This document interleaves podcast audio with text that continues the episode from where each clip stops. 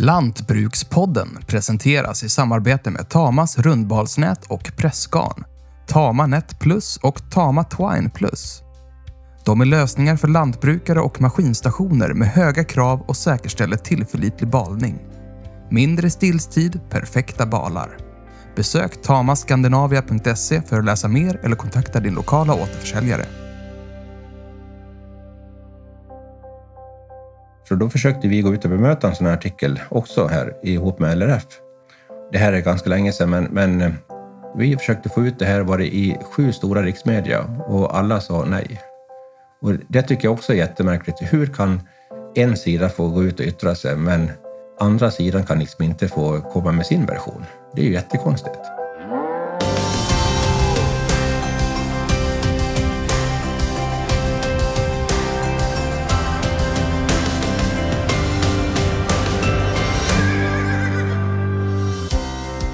I åtta år var Jan Forsell ordförande för Sveriges nötköttsproducenter. Innehållsrika år som bland annat bjöd på succé med svenskmärkningen av kött och debatt om Vasaloppets vegetariska kost till åkarna. Men också en tid då kossan hamnade i skamvrån när klimatdebatten intensifierades.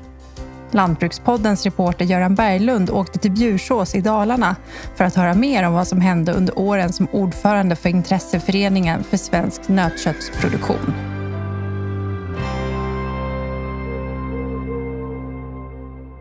Jan Forsell, välkommen till Lantbrukspodden. Mm, tack så mycket.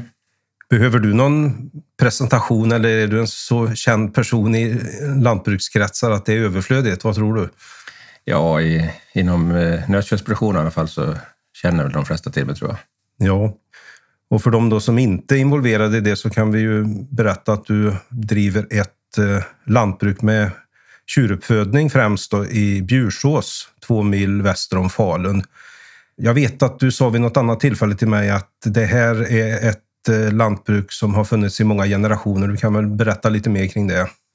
Det är ju en gård som var mindre gård som eh, jag har tagit över efter min far. Då. Och jag tror vi var väl inne på nio generationer tror jag. Men sen har ju den vuxit. Jag, jag började 92 här och då hade jag tio stycken ungtjurar som eh, jag födde upp i, i den gamla mjölkladugården där min far hade haft mjölkkor. Men sen 94 så började jag bygga ut och sen har jag byggt i omgångar. Så idag så är det ungefär 500 djur här. Så att... Och var får du de här djuren ifrån? Det är eh, fyra mjölkgårdar som ligger i, eh, i Borlänge-trakten, Stora Skedvi-trakten. Då. Så, så i, idag så är det ju två veckors kalvar så att varannan vecka så åker eh, Scans lastbil runt och hämtar upp eh, kalvarna som eh, har blivit minst två veckor då, och eh, kommer hit. Då, så att det kommer väl en 16-17 kalvar varannan vecka året runt. Så det, det är en ganska intensiv produktion som kräver mycket arbete. Men, men det är bara de senaste fyra, fem åren som jag köpt två veckor. Så innan dess så köpte jag av andra kalvar. Så att...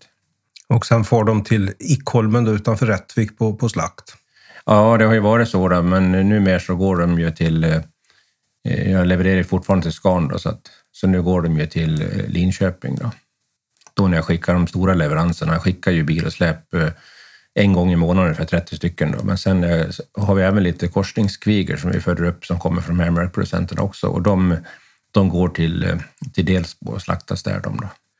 Sen har du ett långvarigt föreningsengagemang och du är ju främst känd för att du var ordförande för Sveriges nötköttsproducenter mellan 2012 och 2020. Ja, just det. det. Det är en lång tid. Ja, det är, eh, åtta år det är ganska lång tid som sagt var. Det hinner hända mycket på de åren. Så att, eh, och jag gick ju med, jag blev invald i styrelsen 2003 så att eh, jag har ju varit i SMPs styrelse i, i 17 år. Då, så att. Det här just med föreningsengagemang, vad bottnar det i för din del att du, att du vill göra det? Ja, jag vet inte. Det har nog bara blivit lite så nästan för att eh, då när jag började bygga den första nya stallet 94 så hann jag väl inte mer än bygga det så, så ringde de ifrån Farmek och ville att jag skulle bli kretsordförande här i, det fanns fyra kretsar här i Dalarna. Då, så att, eh, och, eh, och det hade jag väl egentligen aldrig tänkt, men ja, det blev så. Sen, sen har det rullat på sen. Jag blev ju regionordförande sen för Dalarna och eh, Eh, Gästrikland då, på Farmek-tiden. Då. Det här var i slutet på 90-talet. Då, så att, och sen var jag väl med i hela den här turbulensen då när eh, Swedish Meats eh, bildades också då, och alltihopa det. det eh, sen 2003 då så fick jag frågan att gå med i SNPs styrelse då. Och i samband med det så då hoppade jag av det här eh, Swedish Meats-uppdraget. Då, så att, men sen har jag varit SNP-trogen i 17 år sedan. Då, så att, och jag tycker väl att eh, ja, det ger ju en som person också eh, ganska mycket när man eh, och får engagera sig. Så att, eh, ja, jag tycker det är roligt och det har varit jätteroliga år det här. Så att, sen har det varit jobbiga saker ibland också och, allt blir inte som man har tänkt sig, men stora hela så tycker jag det, det är en fantastisk resa som har varit de här åren. Om man jämför när vi i början på 2000-talet och även slutet på 90-talet när vi gick in i EU här och, och jag minns så väl att slakten tänkte, sa bara liksom att ja, det var väl bara att sätta på en svensk flagga så var det här grönt. Och, och resultatet var ju något helt annat. Eh, importen välde ju in. Så att, eh, sen var det ju ganska uppförsbacke ganska länge egentligen. Så att, eh, men sen, eh, ja, sen tycker jag, sen mitten på, var nästan när jag började engagera mig i SMP så sen har det ju ändå börjat gått åt rätt håll och snabbare och snabbare tycker jag hela tiden åt rätt håll. Så att. Ja, vi ska komma in på många av de här sakerna här under vårt eh, samtal. Jag tänkte inflika också att du har ju en kortare karriär som sångare i Lars Kristers också. ja, jo precis. Det, ja, att... För de som vill veta mer får, får fråga någon som var med på köttriksdagen ja, i Borlänge 2019. Ja, mm. exakt. Vi får se om det blir någon eh, comeback kanske. Så att... ja, dansbandsbranschen har ju haft det lite tufft här under coronapandemin så att eh, vi får ja. se vad som händer på den fronten. Absolut. Jag eh, tog fram inför den här intervjun, du tyckte själv det var lite roligt att läsa den igen. Det var när eh, jag var bevakade er köttriksdag i Sunne 2014. Då sa du här, eh, vi hittade ett uttalande, att det här kändes som början på en ny era. Och bakgrunden till det var att importen av nötkött då under första halvåret 2014 hade minskat med 7 procent. Och det var ett om än litet trendbrott då sedan EU-inträdet. Vad, vad, ja, vad minns du själv av? Det här är ju ja, sju år sedan. Mm. Jo, men det, det hände ju mycket den här tiden. Jag minns ju, man kan säga så här att redan 2009 egentligen så ordnade vi köttriks där uppe i Dalarna och, och då, det minns jag så väl för att eh, då var ju alla slakterier på plats här uppe. Och många lantbrukare frågade liksom om, eh, om de var intresserade av att köpa djur och så här. Liksom. Och ingen var intresserad av att köpa djur, utan skan, det var ju Scan som hade 100 procent här uppe bara. Sen var det väl runt 12-13 ungefär, då var det ju brist på nötkött och brist på djur helt enkelt till slakterierna. Och helt plötsligt så började de ju åka hit upp till Dalarna, andra slakterier också, och köpa djur. Vilket gjorde att vi fick en bättre prisbild här uppe eh, när det vart konkurrens om djuren. Så, att, eh, så det satte ju igång liksom lite grann det här, det här 12-13 och det var väl första gången som Ja, när det inte fanns djur att slakta för slakterierna också, för att eh, innan dess så kändes det lite grann som att det spelar ingen roll hur de gjorde eller hanterade oss, så, så fanns det ju djur att slakta. De, det var som att de ramlade ner från himlen bara. Men helt plötsligt så fanns det inte sådana djur. Så att, eh, och då, då, sen dess tycker jag slakterierna har sakta men säkert eh, har en annan attityd, en bättre attityd tycker jag mot oss producenter. Om man ska få ett ännu längre perspektiv bakåt så jag körde ut eh, nötköttstatistik från Jordbruksverket och 1982, det är ju visserligen ett tag sedan, men du, både du och jag fanns ju till vid den tidpunkten. Då, då producerade Sverige 100, vi hade en 120 procentig självförsörjningsgrad när det gäller nötkött och vi, mm. det här låter ju obegripligt i dessa dagar, men vi exporterade alltså sex gånger så mycket som vi importerade vid den tidpunkten. Mm. Men så var det ju förstås EU-inträdet och eh, allt som hände därefter. Och bottenåret var just eh, 2013, alltså året mm. innan den här händelsen som, som, som, vi nämnde. Då var alltså Sverige nere på en självförsörjningsgrad på, på 50 procent när det gäller mm. nötkött. Nu är den 60 procent cirka. Ja, vi pratade mycket om det då också minns jag, för att jag har ringt eh, lantbrukare till mig ibland liksom och säger att ja, men vi ska liksom inte, varför tycker ni att vi ska bygga för, eller öka ut djurantalet? För att det blir bara sämre pris. Det ska vara så, ju färre djur, ju bättre pris får vi.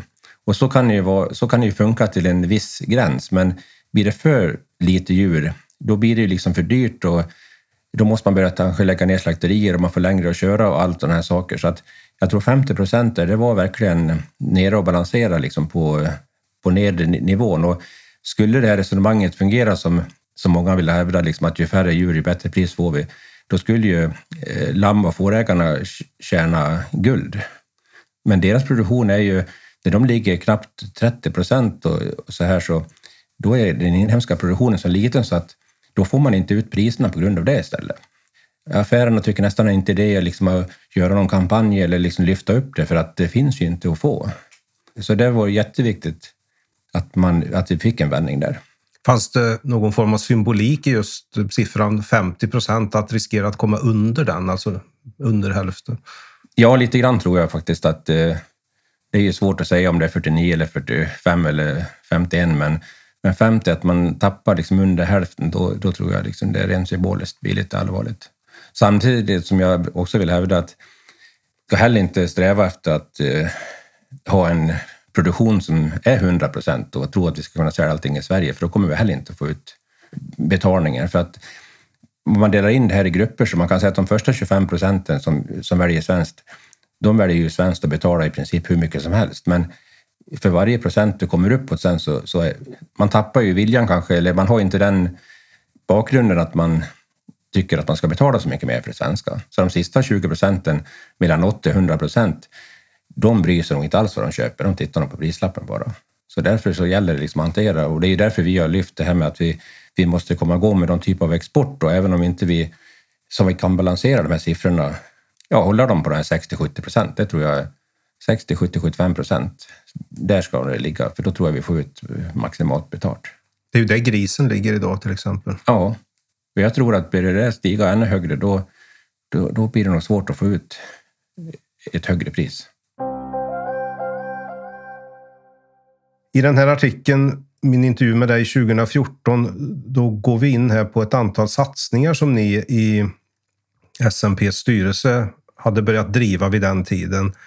Det pratades, ja, svensk köttmärkning, det vet jag inte vilken del ni hade i riktigt, men det pratas även om marmoreringsprojekt. Mm. Ta fram ett standardkontrakt vid djurförsäljning, bildande av köttrådgivningsbyrå och samarbete med McDonalds. Vi kan väl gå igenom mm. de här olika arbetena för dem med, med, lite perspektiv känns ganska viktiga allihopa? Eller? Ja, allihopa de har ju varit nycklar för att vi har hamnat där vi har hamnat idag egentligen om man säger så. Eh, börja med svenskt kött till exempel, så det var ju det första mm, som vi kom in i om man säger så. För jag minns eh, när jag gick med i styrelsen 2003 så tror jag att det var 2004 som det var diskussion om att grisarna skulle eh, sitta med i i Svensk köttinformationsstyrelse som hette då. då.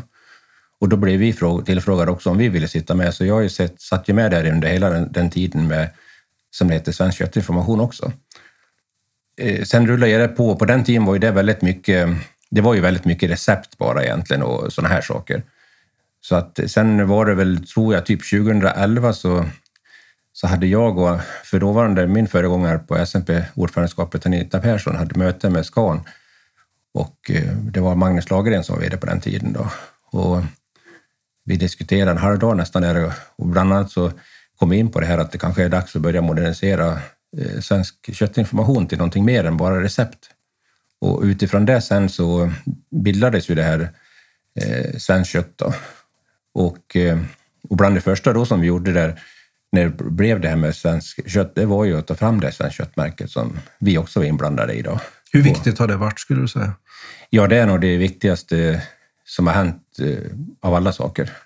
Vi är ju ofta så imponerade av att eh, handeln är så duktiga de, ja, med allting och marknadsföring och hela köret. Liksom och så här. Men, men där kan man säga att där, där gjorde de en, en grav missbedömning i alla fall. För att de var inte alls intresserade av att vara med i det här märket, utan men de, de var ändå intresserade av att de skulle använda det. Men hade de trott att det skulle bli en sån framgång, då hade ju de varit med och suttit vid ratten från början. Eh, det enda som kan svida lite grann tycker jag, det var att eh, vi var ju med och tog fram märket och vi hade ett ägande i, i märket kan man säga och, och det blev vi av med i samband med där det Från Sverige-märket bildades. Då. Och det är väl en av de tråkigare sakerna tycker jag som har varit under de här åren, att, att det blev på det sättet. Och, Och där kan jag väl säga så här att eh, det vart vi totalt överkörda utav LRF i det här fallet faktiskt, som eh, ihop med handeln och det här gjorde upp om det här märket. Och så att, men eh, märket är bra, så det är inget fel på det, men däremot tycker jag det är tråkigt att vi miste liksom, ägande och möjligheten att vara med och styra i det här. Så att, Det här standardkontraktet, eh, det fanns alltså ett behov av att eh, formalisera handeln med djuren mellan bonden och slakterierna på ett bättre sätt. Och jag antar att ni hade identifierat att det var bonden som var förloraren. här. Ja, det är ju ett annat projekt som inte var med här nu på det här, men det var ju när vi bildade LRF Kött till exempel. Då. Och eh, där eh, tog vi ju fram ett sånt här kontrakt då, som var mera oberoende. Det var inte slakterierna enbart som var liksom, utan att det var liksom ge och ta från båda håll om man säger så. Då. Så tyvärr så fick vi ju aldrig det att, att användas. Det var inga slakterier som ville använda de kontrakten. Så att, Men är situationen, har det ändå blivit bättre idag för leverantörerna? Eller hur Ja, det skulle du tyck- beskriva läget? Ja, det tycker jag. Jag tycker att i, idag finns det ju ett mycket bättre samarbete mot slakterierna och många gånger så var det ju ganska, vad ska man säga, svårt att ta sig fram där. Och I samband med, med att jag avgick här nu så fick jag ju höra det när de tackar av mig att, jag, ja, att många tyckte att jag var envis och sådär. Och, eh, och hade bestämt mig för en sak, men, men eh, ska man komma någonstans med de här slakterierna och i den här branschen liksom, så då, då måste man liksom eh, vara bestämd. Jag tycker inte envis är rätt ord, utan man måste vara bestämd och stå för det och, och driva det. Liksom, så att, eh, och som sagt, vattendroppar urholkar en sten till slut. Så att, och det tycker jag den gör mer och mer. Så att man måste verkligen vara drivande mot slakten. Ja, du de- nämnde ett exempel här tidigare innan vi startade inspelningen om dina egna djur och eh, alltså prisvariation under året. Eh, Mm. eh, Du kan väl... Går man tillbaka i tiden här så, vi säger på 2000-2010 kanske de där åren, så var det ju enorm prisskillnad på, på eh, vår och, och höst om man säger så, sommar och ja, hela året alltså. Det var ju en sak som jag drev väldigt hårt också, liksom att vi som hade liksom året runt produktion och leverera djur hela året, eh, varför skulle vi liksom vara med och, och ta smällen på hösten då när, folk, när många anmälde djur bara för att de skulle bli av med dem och så här. Och, och, och där ser vi ju en helt annan skillnad idag. Idag är det ju i princip samma pris nästan. Inte riktigt kanske, men i stort sett så är det. Och den här höstslakten är ju inte inne och förstör alls som den gjorde på den tiden. För det var ju rena katastrofen egentligen. Där. Och, och, och det är väl också att slakterierna har lärt sig hantera situationen mycket bättre. För att förut då, då slaktade man och slaktade och sen om det sen gick att sälja, det var, det var inte hela världen. För det var ju vi bönder som fick ta smällen i alla fall. Det är inte priser, de kunde hålla uppe priser. Utan, men nu har man ju verkligen lärt sig att man, man slaktar ju inte mer än man kan sälja. Och, och då får ju hellre, även om det också är, är svårt för oss producenter att, att lag, ha djuren kvar längre. Men det är ju ett bättre alternativ än att man slaktar för mycket så går priset ner i alla fall. Om man tittar på Jordbruksverkets statistik eh, så säger den att eh, betalningen för tjur ligger då enligt vad slakterierna rapporterar på idag på en 46-47 kronor. Nu är väl inte alla som får hela den summan kanske, men, men eh, vad skulle du säga den betalningen som råder, är den på en rimlig nivå? Det är ju en balansgång. Som producent så vill man ju naturligtvis ha gärna 10 kronor till också. Men, men, skulle man höja så mycket då, då vet vi att försäljningen skulle minska också. Vi behöver egentligen ha ett högre pris än vad vi har idag också för att eh, alla insatsvaror går ju upp hela tiden. Eh, så att ekonomin är ju ändå inte vad den borde vara egentligen. Talet 50 kan kanske få symbolik även här då? Att Ja, vi absolut. behöver ha 50-lappen. Ja, och sen är det ju att det hjälper ju inte heller liksom att det är ett högt pris en kort period, utan eh, i och med att eh, vi bygger stallar med, med 20 års avskrivning och, och, och andra saker, liksom, så, så behöver det ju över tid vara ett bra pris. Det är ju, det är ju, hellre, det är ju viktigare med ett stabilt högt pris än att det är upp så det är tokhögt ibland, om man säger så, korta perioder. Sen kan vi gå in på lite mer specialprojekt också som väl har bidragit på sitt sätt. Eh, det här med att man klassar djuren bättre utifrån marmorering och, och det, det, det är väl något som man många har varit på branschen om under lång tid. Att det, allt får liksom inte sorteras in under samma beteckning utan ni måste differentiera här för att kunna ta ut mervärdena. Hur tycker du läget ser ut idag då kring det? idag är man ju duktigare på att hålla sig. Sen finns det fortfarande mer att göra, liksom, eh, både ute på gårdarna och på slakterierna helt enkelt. Och de flesta slakterier har ju någon lite sån här högre klass som eh, utvalda djur om man säger så. Då. Och, eh, men, men, det finns ju absolut mer att, att göra där. Och det här, angående marmoreringsprojektet så, så blev ju aldrig det den hit som man egentligen hoppas att det skulle bli. För att eh, det blir ju så få detaljer om det entrecôten och ryggbiffen i stort sett som du kan få mer betalning på. Så är ju tyvärr inte djuret uppbyggt av 100 procent sånt, utan det blir en ganska liten del så att det, det, är väl, det finns ju något slakteri som, som betalar extra för det, men alla gör inte det. Är det lite volymkopplat också ändå att Sverige producerar relativt sett så, pass lite att du behöver kanske egentligen ha större volymer för att få fart på, på sånt arbete? Ja, och att det finns eh, även kontinuerligt den volymen också. Det hjälper ju inte att det kommer in djur, kanske vissa delar på det, som, som håller de kvaliteterna, utan det här kräver nog mera engagemang. Det är ingenting som gör sig självt om man säger så. Men då är ju en, en merbetalning är ju nästan det viktigaste, för får man inget extra för att, de, att djuren är marmorerade så, så då svalnar ju intresset också. Samarbetsprojektet med McDonalds ska vi väl nämna med några ord också. För mm. att jag vet inte om det är mer att det, att det är en kul grej eller om det har skänkt rejält värde till gårdarna. De här två miljonerna som de satsade på det här var ju ändå pengar utifrån in i näringen. Det var liksom inte våra pengar innan som vi skulle bara placera om, utan det här var ju liksom nya pengar trots allt. Så att det är nog det roligaste projektet vi har gjort under de här åren nästan, om man säger så, rent eh, publicitetsmässigt, för det fick ju enorm publicitet det här. Och... Kommer du ihåg hur många McDonalds-tjurar som, som det blev till slut? Ja, det blev ju hundra stycken och det var ju det som var planen. Och vi hade nog kunnat dela ut eh, de här 25 000 kronorna som man fick då om man ökade ut med mer än 20 djur, kor och att man höll i det i minst tre år. Vi hade nog kunnat dela ut dubbelt så många. För vi, jag satt ju med i den ja, juryn kan man säga, vi som sammanställde de ansökningar som kom in och, och beviljade tjurar sen. Och dels var det ju många som ville ha flera tjurar, inte bara en, liksom. men vi, där delade vi ut en till alla egentligen. Sen hör det väl till historien också kan man säga att de här pengarna hade ju McDonalds avsatt och vi fick ju egentligen råda mycket över vad vi skulle använda det till. Då, så, att, så vi kom ju med idén om det här med tjurarna, så att då kan man väl säga att det var väl inte vågen som McDonalds gjorde direkt då, utan då var det lite, nog lite fundersamma det här med, med djur och det här och alltihopa. Så att, eh, vad trodde de att ni ville göra, eller vad, vad ville de att... Nej, men alltså vi, det, det, var ju, vi hade kunnat gjort vad som helst liksom, men Eh, och jag menar, vi hade ett projekt med McDonalds några år innan eh, och det gick ut på lite rådgivnings... Så att man ordnade, jag kommer inte ihåg exakt, men, men det var som man åkte runt i hela Sverige, Taurus på den tiden som det hette, nötrådgivningen då, och hade ett par, tre träffar i varje landskap och ville liksom lyfta produktionen på det sättet. Då.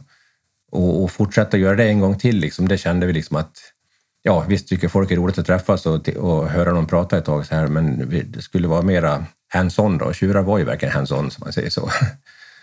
Men sen när vi hade vattnat det här ett tag och diskuterat det här med tjurarna och hur det skulle hanteras och alltihopa där så, så kan man säga att de var väl helt saliga i det projektet sen. Så att, och vi avsatte ju pengar för att vi skulle marknadsföra det också. Vi använde inte en krona att marknadsföra det för det, det var ju med i alla tidningar i alla fall. Så, att, så och sen, eh, jag minns när vi hade finalen på Elmia här ja, nu kommer jag inte ihåg när det var egentligen, om det var året före torkan kanske, 2017 och sånt där. Då mm, delade vi ut de sista tjurarna där i visningsringen och eh, eh, då hade vi en karta där i våran monter som vi hade då, SMP hade där. Och, och det var så många besök in och alla skulle in och se liksom om det fanns någon tjur i närheten av där de bodde och sådana saker. Så att, eh, ja, det var verkligen, ja, det var jätteroligt och jag är helt övertygad om att det projektet också bidrog till att vi fick mer kor då. Sen kom ju tyvärr torkan 2018 och punkterade mycket av det här. Det här kallades väl för Romeo? Eller? Ja, det, det, var McDonalds som döpte det till Romeo, så att det, det får inte vi ta åt oss äran av, utan det var de som tyckte att det skulle... Tror du att det kan bli någon Romeo 2 i framtiden? Eller? Nej, jag tror inte det, för man ska nog se på andra lösningar då, satsningar man vill göra. Inte, inte försöka upprepa. Jag tror man bara blir besviken om man försöker upprepa, upprepa en succé sådär. Så att... I september 2017 så hade ni på gården här besök av Ardalan Shekarabi. Mm. Och eh, ja, av vilken anledning kom han hit? Minns du det? Ja, han bjöd in sig själv. det, var, det var hans eh, eh, ja, sekreterare som ringde och frågade om han, han skulle till Dalarna och, och frågade honom om han fick komma hit och hälsa på. Så att, eh, det handlar väl om att han hade varit på något möte i, i Stockholm och träffat eh, Svenskt Kött och dåvarande vdn där då. Och, och, då hade han sagt någonting om att han ville kanske ut och titta på en gård när han var i Dalarna och då hade hon sagt att då skulle du åka hem till Jansson. Så, så då kom han hit. Och vid den här tidpunkten så var han redan engagerad då i den här frågan med den offentliga upphandlingen, mm. antar jag? Eller? Jo, det var han absolut. Det var väl en av de frågorna vi diskuterade när han var här också, just det här och hur viktigt det var liksom att man, man kan liksom inte ha två olika linjer ungefär, att man, man bestämmer vilka regler vi ska ha som uppfödare och sen, sen går kommunerna och köper något helt annat ifrån andra länder, om man säger så, då, som inte uppfyller våra krav och sådana saker. Så att, det konstiga med det här är att man har ju aldrig hört någon politiker som säger att jo, men det är bra att det är på det sättet, att eh, vi ska spara på skattepengarna så vi köper det billiga importerade mm. istället. Och ändå har det här rullat på under ganska lång tid och eh, det är väl egentligen kommuner som själva har tagit tag i det som har till viss del ändrat mm. bilden. Skulle, eller vad skulle du säga? Jo, ja, men så är det ju. För att det, det fanns ju vissa kommuner som var riktiga eldsjälar som drev det här. Alltså, de la ju ner jätteresurser på liksom hur man skulle kunna upphandla på för sätt och för att kunna få det svenska om man säger så. Men eh, det är många kommuner som inte engagerade sig, de, de sa ju bara att det gick inte att ställa de kraven så man kunde köpa svenskt. Men sen tack vare att de här, vissa har drivit det här hårt så, så har det ju liksom blivit förändringar i det här och jag tycker ju fler och fler som försöker köpa svenskt idag. Så är det ju. Och det är bara att titta på den allmänna trenden. Om det, mer än 90-95 procent av det kött, färska kött som säljs i, i handeln till exempel är ju svenskt. Och det är ju därför det har ökat så mycket, det svenska efterfrågan nu under pandemin också när, när folk är hemma och lagar mat så, så blir det att när de, man själv handlar så då väljer man svenskt, men när man går på restaurang då är man lite för dålig för att trycka på. Liksom. Men jag tror att också de kommer att rätta in sig i led nu och vilja köpa svenskt. Det finns ett förslag om att man ska ursprungsmärka på restauranger. Ja, och det har också funnits i ganska många år. Regeringen har väl hotat några gånger med att man skulle liksom lagstifta nästan om det också, men, men det har man ju inte gjort, utan man, eh, man har ju lite grann fekat ur hela tiden, tycker jag. Man har ju inte liksom slagit ner näven och sagt ifrån, utan, utan det fortsätter ju lite grann, tyvärr. Men, eh, Tror du att det skulle få någon effekt om restaurangerna var tvungna att redovisa var köttet kommer ifrån? egentligen så kan man säga så här i grund och botten så ser man ju nästan idag också vilka som, som har svenskt och inte svenskt. För att de som har svenskt och betalar det merpris som är på det köttet, så de är ju helt idioter egentligen om man inte marknadsför det. Så att de här som inte marknadsför och det står inte var köttet kommer ifrån, då kan man ju ta för givet att det är importkött egentligen. Och, och där hoppas jag att vi blir duktigare och duktigare på att ställa och fråga var köttet kommer ifrån helt enkelt, när vi, när vi handlar.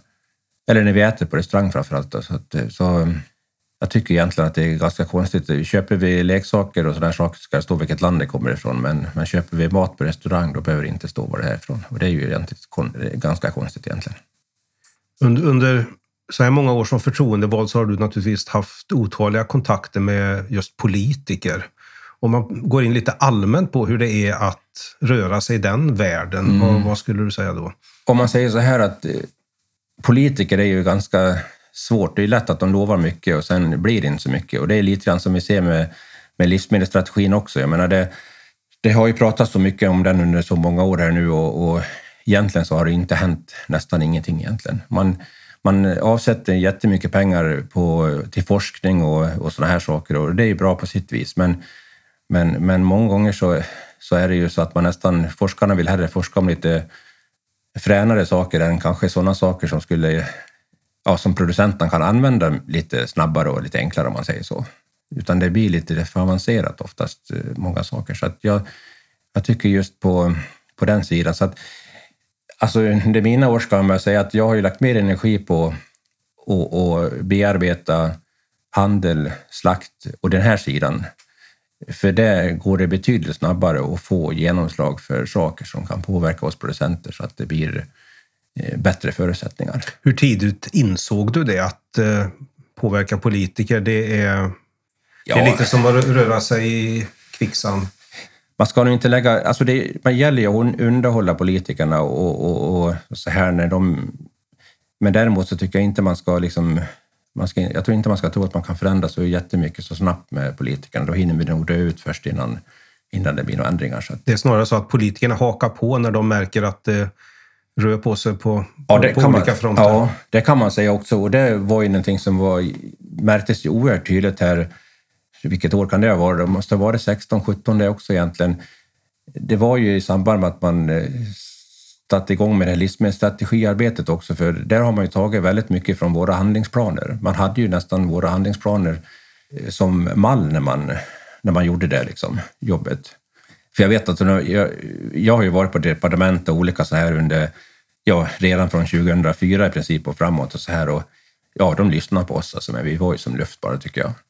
Men sen i samband här, ja, efter det här 2014, 2015 som vi pratade om och, och något år senare när livsmedelsstrategin kom till och det här då, de började jobba med det, då var det precis tvärtom. Alltså, då, då kände man liksom att, liksom att då var vi nästan det var rena halleluja-stämningen när vi kom till departementet och skulle prata om vår produktion. Så viljan fanns ju då på ett annat sätt än vad det funnits tidigare.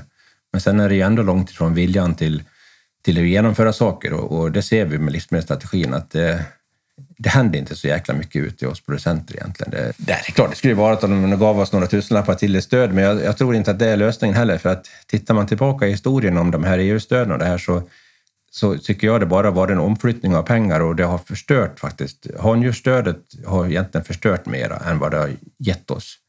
För tittar man tillbaka hela vägen ifrån EU-inträdet så, så hade vi ju ett högre avräkningspris. Sen kom EU och handjursstöden.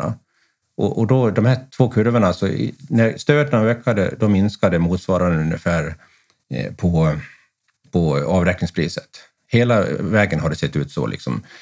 Och, och, och sen när vi kom fram här att man började minska ner handjursstöden och, och de här extensifieringsstöden och allt vad det hette. Ja, vips, då börjar våra priser gå upp igen. Det blir ett nollsummespel. Ja, det är ett nollsummespel fullständigt. Och, och egentligen så är det ett minusspel då, tror jag, för att när, när slakterierna då på, på den tiden, om man säger på slutet av 90-talet här, när de såg att vi fick stöd, då kunde ju de eh, sänka priset till oss, för vi fick ju ändra pengar andra vägen. Men det gjorde ju också att de behövde inte ta tag i det här att bli effektivare och bättre. 3 mars 2018 skrev du ditt hittills förmodar jag mest uppmärksammade inlägg på Facebook. Det bar rubriken Lägg ner Vasaloppet för miljöns skull. Och bakom Ja. det här så finns ju en sedelärande historia som jag tänkte vi skulle gå in lite mer i detalj på. Vad var det egentligen som hände här? Ja, nej, men det, det börjar egentligen med... Jag kan väl börja säga också att jag har ju själv åkt Vasaloppet två gånger faktiskt, 2012 och 2013. Det är både kul och, och det är helt makalöst jobbigt, höll jag på att säga. När man kommer upp för backen där det står att det är 90 kilometer kvar, då är det ganska, efter en timme ungefär, så då är det ganska slitet faktiskt. Så att, men oavsett det så brinner man ju för det här Vasaloppet ändå, när man bor här uppe. Och sen var det helt enkelt, det här var väl på lördagen, dagen innan riktiga Vasaloppet går av stapeln då, så höll jag på och gav kalvarna mjölk. Och eh, ja, lite grann så, jag är lite nyhetsnörd så här. Jag, jag kollar gärna nyheterna typ en gång i halvtimmen. Och sen får jag liksom upp det här liksom att, eh, ja, att Vasaloppet eh, nu har liksom blivit grönt då, för att man ska servera lasagne då, till de som går i mål där. Då. Och, och, och jag bara Och inte vilken lasagne som helst. det är en vegetarisk lasagne då. Och, och ehm, jag har inget, absolut, det är som jag skrev i inlägget också, jag har ingenting emot att man äter, att man äter vegetariskt och, och att eh, de får gärna servera en vegetarisk lasagne liksom, men men komma där och påstå liksom att Vasaloppet har blivit grönt på grund av det, så det är ju bara så mycket ljug som det kan bli liksom. Så mycket, jag menar man har ju haft stora tält som man värmer upp med diesel. Eh, det har ju också blivit bättre och delvis kanske beror på det här att de blev så uppmärksammade på det här också. Så att eh, idag har man fjärrvärmen vet jag, istället i Mora där man värmer tälten med på under Vasaloppet. idag. Och eh, man sitter och kör, man tillverkar snö, man sitter och kör snö med lastbilar, man kvarar ut det och man, alltså det är ju helt, eh, det är ju helt hysteriskt egentligen mycket energi det läggs åt för att man ska kunna genomföra det här Vasaloppet. Och sen påstå liksom, så det jag vart bara, jag kände jag bara kröp i kroppen på mig när jag höll på att gå kalvarna där. Så, att, så jag ringde till, det fanns ju något telefonnummer där, så jag ringde till Vasaloppet och fick prata med någon pressansvarig där. Så att hon avfärdade mig väl ganska mycket kan man säga när jag ringde.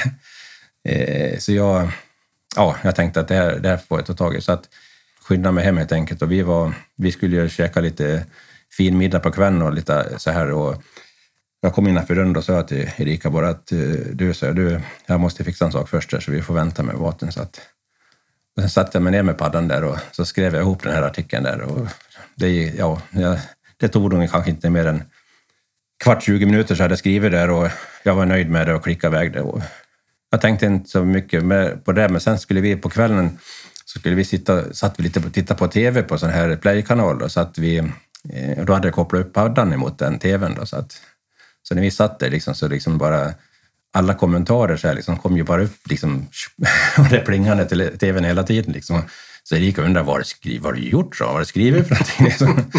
så att, eh, och sen eh, på morgonen sen så rasade cirkusen igång sen då, så att det vart ju världens pådrag där. Så att, ja, vad hände? Ja, de ringde väl ifrån eh, Vasaloppet där och eh, jag är ju bekant med han som är, eh, som är ordförande för det här också, så jag hade kontakt med han också. Men jag tror att de missbedömde ju det här på det grövsta, om man säger så. Att de trodde liksom att det här, det här blir väl liksom ingenting, utan men, men sen tog det ju skruv helt enkelt. Så, att, så det här hade delats då i alla möjliga grupper ja, och ja, det var det. mellan personer? Ja, ja, och jag var väl först ut där och sen vet jag, Martin Moraeus hade ju också gjort någonting sen då och eh, han tror han la in någon bild på Vasaloppsstarten där och korna gick och betade på sommaren då, så att eh, det vart ju delat där också så att det vart ju jättestort där. Expressen ringde till och med och gjorde en intervju och det är ju inte varje dag kan man säga som de ringer. Så, att, så det, när, för, när segraren gick i mål eh, i Mora så då satt jag och Martin Moraeus vi hade möte med vdn för Vasaloppet så hon missade ju hela målgången där. Hon satt. Jaha, det blev träff så, så fort alltså? Ja, ja, de ringde liksom att du ville att du kan komma upp liksom, så får vi prata om det här. Så att... Kan du berätta nu då, med, det är väl eh, okej okay, antar jag att avslöja lite grann vad som sades under det där samtalen?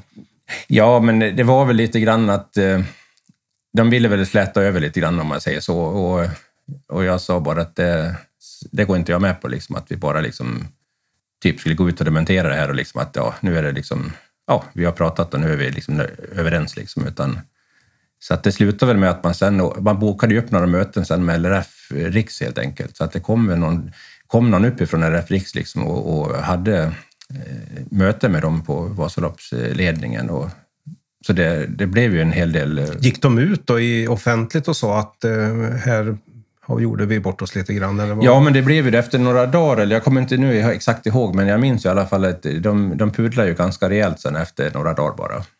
Så det fick ju den effekten som jag hade hoppats på. Då, så att, men, men de trodde nog inte att det skulle ta sån här skruv. Så att, men det, Vasaloppet är väl en kär angelägenhet för många. Även, de flesta åker ju inte, men många följer väl det på tvn och så här. Så att, det var därför det tog sån skruv helt enkelt. Så att, Nej, så det kändes ju väldigt bra att det fick det resultatet att de backade helt enkelt och, och, och erkände att de hade liksom gjort fel om man säger så. Vet du vad de serverar för mat idag under Vasaloppet? Eh, ja, nu ska jag inte säga sista åren här, eller sista året jag på att säga vad de har haft. Då hade de ju lite, nu vart det ju bara det här andra loppet då, men, men de har ju haft mera, de har inte haft vegetariskt i alla fall om man säger så.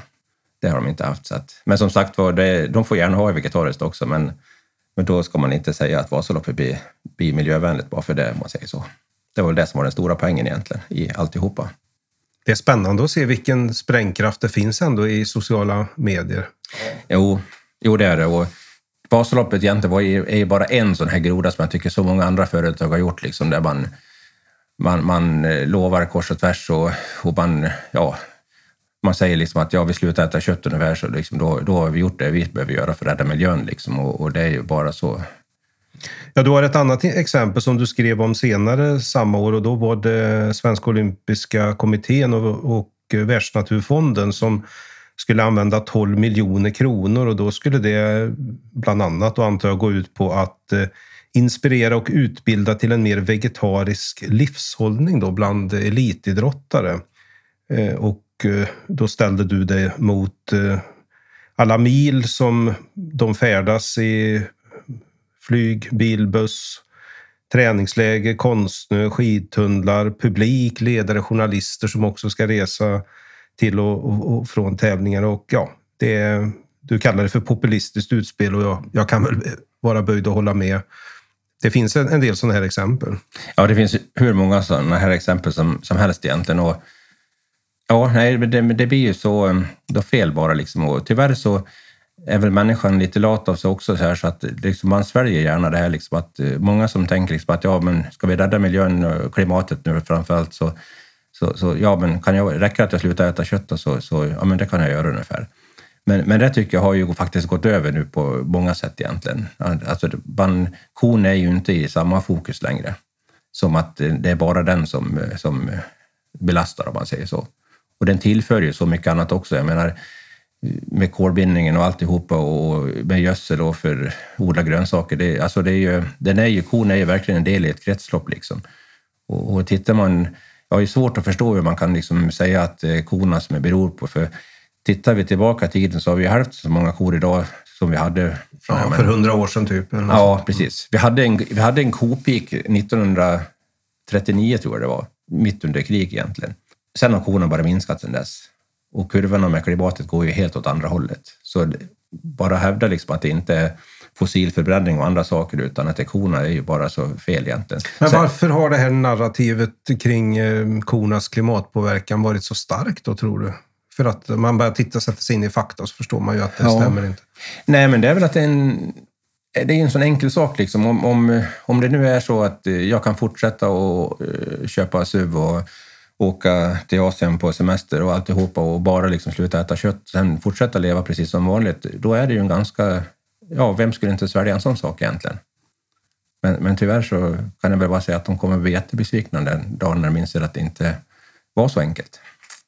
Det. Nu sjunker ju köttkonsumtionen i och för sig lite grann, då, men samtidigt så är det enligt undersökningar ganska, det är ett fåtal procent som uppger sig vara vegetarianer. Ja, och framförallt så ökar inte de, utan det är ju nästan så att de som är 100 procent vegetarianer, de, de minskar ju faktiskt lite grann.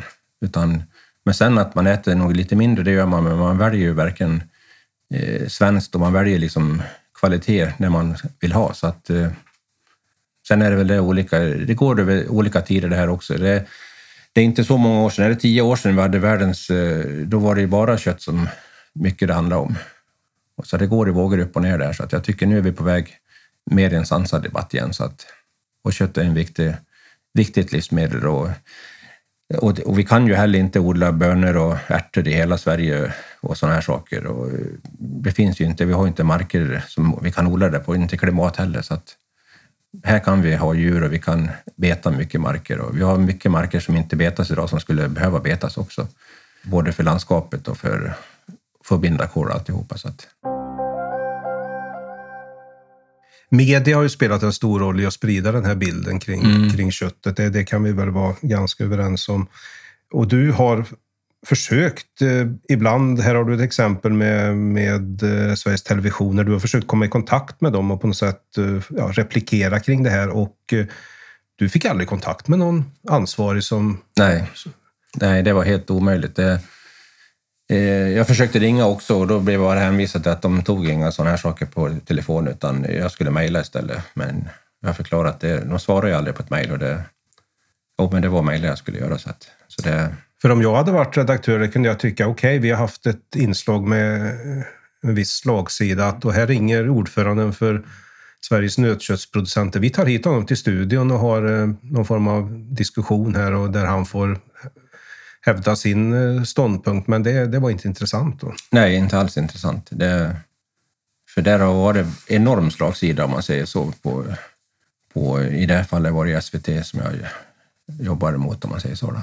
Jag tycker också det lugnaste då, det är väl också med pandemin att göra kanske, för att det är ju inte alls lika ofta det står sådana här saker ändå. Men alltså då var det väldigt ofta och sen så hela tiden så länkar man ju på alla andra artiklar innan liksom, så att det var liksom, det var massiv propaganda, antiköttpropaganda helt enkelt. Och vad tror du det bottnar i då, att, att stora delar av media agerar på det sättet? De, de svänger väl också med den här allmänna trenden liksom och, och lätt hänger ut det här med, med köttet och, och så här liksom. Det, Jag tycker många gånger man, när man följer intervjuer till exempel så tycker jag liksom att de som intervjuar är oftast alldeles för dåliga på och liksom ställa motfrågor, då, tycker jag, liksom, eller ställa dem mot väggen helt enkelt. Jag, jag tycker det, det är så tamt ibland, man blir nästan irriterad när man känner liksom att ja, men fråga liksom det här nu, liksom, och så, nej, då låter man det bara rinna på. Liksom.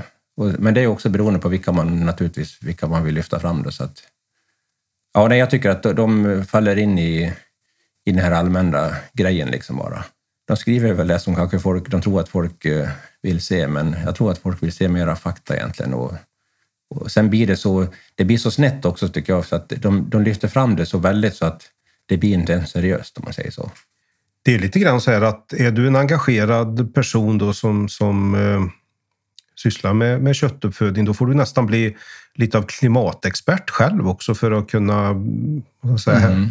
försvara din existens. Man får lära sig om eh, koldioxidekvivalenter och skillnad mellan koldioxid och metan. Och, för det är metan då som, som nötkreaturen släpper ifrån sig som är en, ja, en, en gas som försvinner mycket, mycket, mycket fortare än koldioxid. Va? Och uh, man får lära sig om kolinbindning mm. i, i vallmarker och, mm. och beteshagar och så vidare. Det, du, jag antar att du också du hör till de som har skaffat en del bildning på den här...